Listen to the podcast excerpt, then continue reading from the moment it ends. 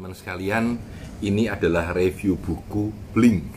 Buku tuanya Malcolm Gladwell, buku kedua setelah Tipping Point. Buku ini ditulis oleh Malcolm Gladwell atau diterbitkan tahun 2005. Waktu saya beli pertama buku ini, masih fresh nih. Ada tulisan yang menarik ya.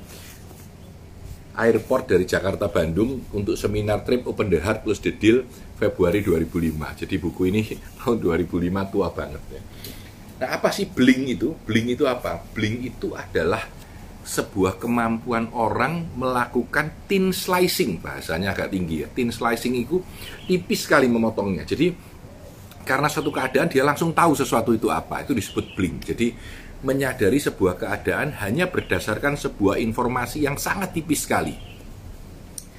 Yang diberikan contoh di buku ini contohnya adalah mahasiswa. Jadi atau mahasiswa itu melihat dosen mengajar ya. Kalau melihat setengah jam dia tahu dosen ini enak atau tidak. Nah, tapi ketika dosen yang mengajar itu hanya mengajar eh, lima menit ya, ternyata orang tahu dosen ini enak atau tidak.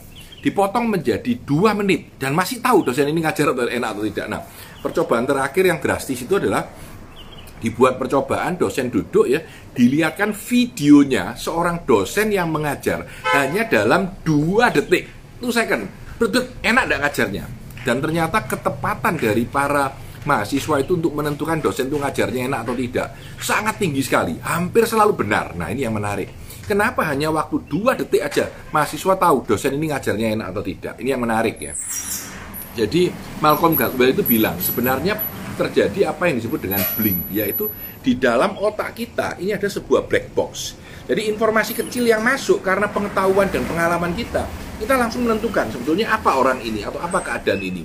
Saya alami di Jakarta. Banyak tahun yang lalu ya. Saya ke Jakarta, saya masih ingat tuh mau beli apa. Saya mau beli Bose, B-O-S-E, Bose Music, uh, apa namanya, speaker ya. Saya dulu pakai Bose kalau bicara, supaya speakernya kecil gitu ya, buat personal, bisa pakai satu kelas isi 30 orang ya. Saya beli Bose. Nah, waktu saya beli itu, saya masih ingat, itu encik-encik di pasar pagi sana ya.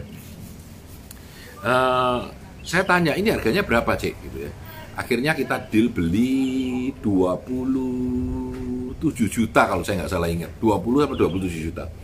Terus saya kebetulan butuh barang itu. Saya bilang sama penjualnya cek boleh nggak dikirim hari ini cek karena saya mau pulang ya dan tiga hari lagi saya mau pakai. Oh bisa langsung bisa langsung. Terus saya bilang pakai kredit card ya? Dia bilang oh jangan. Nanti kalau kredit card tambah dua persen setengah atau tambah tiga persen gitu. Kamu transfer aja besok nggak apa-apa gitu ya akhirnya saya bilang oh terima kasih loh kalau dipercaya gitu. Ya udah transfer aja. Saya uh, telepon orang saya suruh transfer duitnya dan dia akan kirim sore itu. Nah waktu saya nunggu sambil ngeliatin uh, apa namanya speaker bus itu tiba-tiba ada satu orang berpakaian jas bukan jas ya batik safari keren gitu ya. Uh berlian di sininya terus ada cincin emas gelas emas dan lain-lain dan ngobrol sama ciknya dia agak jauh saya nggak tahu ngobrol apa. Ngobrol sebentar kasanya kok nggak enakan gitu. Lalu akhirnya orang itu keluar dan ciknya kembali. Saya tanya lo kenapa cik? Dia bilang ya orang itu mau beli Bose total lengkap 300 juta tapi mau bayarnya dua minggu. Saya bilang nggak apa-apa loh sih sekarang bisnis lagi susah. Ya toh dua minggu 300 juta ya nggak apa-apa kan? Saya bilang gitu. Tapi dia bilang menarik. Tapi orang itu kalau menurut saya tidak jujur itu ada nggak bener orang itu saya heran loh. Tadi Cep, saya beli speaker nggak nggak minta pun disuruh kirim gitu. Dia bilang sama saya, iya. Kalau anda orang jujur, wah saya ketawa ya. Saya orang jujur ya. Lalu saya bilang, tapi terus dia nambahin gini, kalau you beli satu, saya kasih 20 juta. Kalau you beli lima, bayar dulu juga gitu. Saya ketawa. Ternyata buat seorang pedagang, di benak kepala kita ini ada harga. Jadi kalau 27 juta, dia nggak kenal saya Pak Tanadi ya boleh utang gitu ya bayar tiga hari lagi seminggu lagi. Tapi kalau 200 juta nggak boleh gitu ya. Dan dia punya sense siapa orang yang bohong siapa yang tidak. Padahal dia nggak kenal saya dan dia nggak kenal orang itu gitu. Tapi bagaimana dia bisa tahu orang ini boleh diutangi atau tidak? Nah kalau anda lihat pedagang-pedagang zaman dulu itu punya sense itu semua. Oh kalau ini utang kasihlah gotiau kasihlah 10 juta. Kalau yang ini 25 juta oke. Okay. yang itu jangan dikasih. Dan dia punya sense itu. Nah ini disebut dengan blink ya. Ketika Anda ahli di bidang tertentu, Anda mengalami blink. Jadi ketika melihat sebentar aja Anda tahu kira-kira orang ini seperti apa.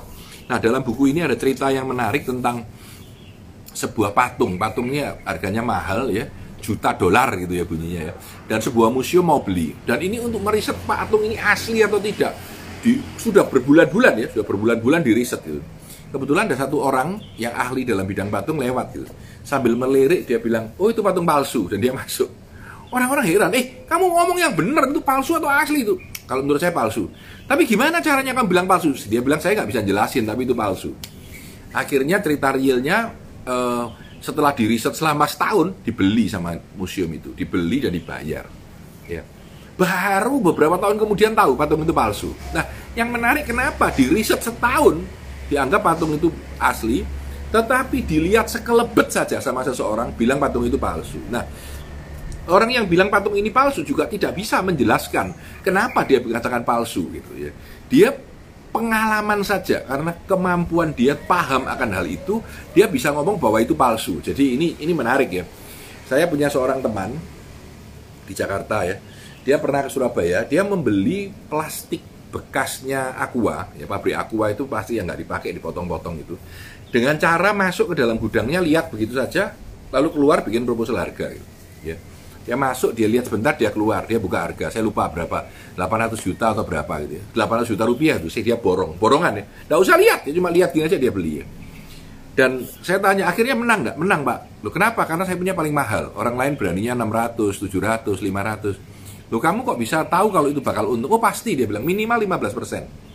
Saya kira bisa untung sampai 20 dia bilang gitu. Tapi kalau saya untungnya banyak, diambil orang lain gitu ya. Loh bagaimana kamu memutuskan bahwa itu kira-kira harganya segitu? Nggak tahu katanya. Saya begitu lihat kira-kira tahu ini value-nya berapa. Ya, nah itu bling. Bling itu adalah uh, bahasa Inggrisnya thin slicing, memotong dengan tipis. Jadi dalam potongan yang begitu tipis, dalam sebuah keadaan yang sangat sederhana, orang itu mampu memutuskan sebenarnya keadaannya seperti apa. Dan itu hanya bisa terjadi kalau orang itu memang ahli di bidang itu. Tapi kalau orang itu tidak ahli di bidang itu, nggak bisa. Nggak bisa, salah gitu. Nah ini yang bahaya. Jadi kalau ini bukan bidang Anda, Anda jangan melakukan bling Anda. Karena kebanyakan salah gitu. Tapi kalau ini memang bidang Anda, Anda tahu dan itu benar. Ya. Nah, di sini ada satu story yang kuat. Mungkin banyak orang yang baca ini ingat namanya Paul Ekman ya. Paul Ekman ini usia 15 sudah kuliah di University of Chicago. Dia ini adalah satu-satunya ahli dunia yang bisa membaca micro expression. Jadi ketika orang ketawanya enak sedikit, dia langsung tahu oh, orang ini sebetulnya kenapa, dia bohong atau tidak, ya. Nah ini disebut Paul Elkman. Jadi film akhirnya kalau Anda pernah lihat film serinya itu namanya Lie to Me, bohonglah ke aku, Lie to Me. Dan dia begitu melihat tahu orang ini lagi bohong, orang ini tidak, orang ini punya maksud apa. Dia otomatis bisa membaca micro expression. Wajah ini ekspresinya yang kecil aja dia kelihatan. Oh orang ini bohong, oh orang ini tidak, orang ini jujur. Itu Paul Ekman. Di buku ini ditunjukkan tentang Paul Ekman. Jadi Paul Ekman ini mem mempelajari bagaimana wajah kita itu tanpa sadar mengekspresikan diri kecil aja ya dan kamu bisa nangkep tapi dia bilang tidak semua orang bisa bahkan orang-orang tertentu itu bisa salah ketika membaca makna dari wajah orang kalau dia bukan ahlinya jadi kunci dari uh, bling ini adalah kemampuan kita untuk memahami seseorang atau suatu keadaan dengan hanya data yang sangat minim saja dan kita mampu benar. Kenapa? Karena otak kita sudah punya pengalaman yang dalam akan hal ini ya. Lalu dari situ kita mampu tanpa sadar mempunyai black box di belakang otak kita sehingga kita mampu memberikan sebuah jawaban terhadap keadaan dengan cepat. Jadi contohnya adalah Anda orang HRD sudah merekrut orang ratusan gitu ya atau ribuan. Ketemu orang salaman sebentar, orangnya cerita Anda tahu ini bohong nih. Ya Gak mungkin itu storynya nggak pas gitu. Anda tahu kalau ditanya kenapa Anda bisa bilang bohong, Anda nggak nggak bisa nyeritakan gitu. Kenapa nggak bisa beritakan? Karena nggak tahu Pak. Tapi tadi ceritanya itu bohong. Orang ini pasti bohong. Langsung tahu. Saya sering ketemu orang yang begitu ya. Nah, apakah kita harus percaya sama orang itu atau tidak? Pertanyaannya. Nah, jawabannya adalah kalau dia memang ahlinya di sana, biasanya dia benar kalau dia bukan ahlinya di sana, biasanya salah. Nah, yang berbahaya ketika orang merasa, "Wah, aku ya bisa nebak," tapi ternyata dia tidak punya keahlian di sana. Jadi apa? Salah. Tapi kalau dia memang tahu, paham keadaan, dia akan benar ya. Dan ini di industri macam-macam ya. Bahkan ada cerita ya, orang itu kalau berbicara dengan suami istri ya, ngobrol gitu ya, dilihatin sebentar, saya tiga menit atau lima menit, langsung bisa tahu ini kira-kira bakal cerai tidak 10 tahun kemudian. Keren banget ya. Dan ternyata akurasinya 80 sampai 90 persen gitu. Ya. Nah ini bagaimana orang itu mampu hanya dengan sebentar aja tahu gitu. Ya. Jadi ini ini contoh bagaimana kita di dalam dunia ini mengalami apa yang disebut dengan blink. Ya. Blink itu mata terpejam sebentar ya, cetek kayak gitu, itu blink. Matanya gini itu blink ya. Blink ini uh, kemampuan kita, sadar atau tidak, di dalam bidang yang memang benar-benar kita kuasai, kita bisa mengetahui itu jauh lebih hebat dari orang lain dengan informasi yang sangat sedikit.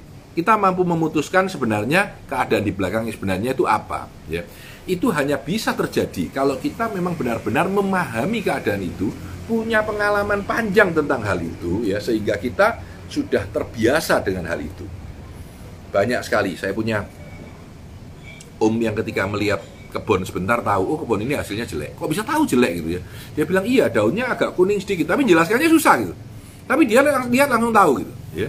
Ini seperti juga orang yang teman saya pernah sukaannya durian. Jadi dia pakai pisau di pok pok oh ini enak pok pok ini tidak enak saya bilang gila kamu kok tahu oh iyalah aku tukang buka durian gitu ya dan itu menarik menurut saya. Kenapa? Karena itu bling sebenarnya. Kemampuan kita menentukan suatu keadaan ya dengan sebuah informasi yang sangat minim ya. Jadi itu disebut bling saya cari definisinya. Nah dia bilang thin slicing adalah the ability of our unconscious to find pattern in situation and behavior based on a very narrow slice of experience. Jadi pengalaman kita akan hal yang pendek saja itu membuat kita tahu dengan keadaan ini ya. Ini bukunya Malcolm Gladwell yang cukup terkenal, namanya Bling. Setidaknya sekarang Anda ngerti kalau tanya orang Bling itu apa, maka Bling itu adalah kemampuan kita menganalisa sesuatu situasi dengan jernih dan benar hanya berdasarkan data dan fakta yang sangat tipis karena kita sudah ahli di bidang itu. Itu adalah Bling dari Malcolm Gladwell ya. Sekali lagi, uh, semoga ini bermanfaat. Kita sering melakukan review buku pendek yang saya hanya ambil intisarinya aja supaya Anda paham dan bagaimana memanfaatkan itu. Saya Tanah di Santoso, sukses selalu untuk Anda.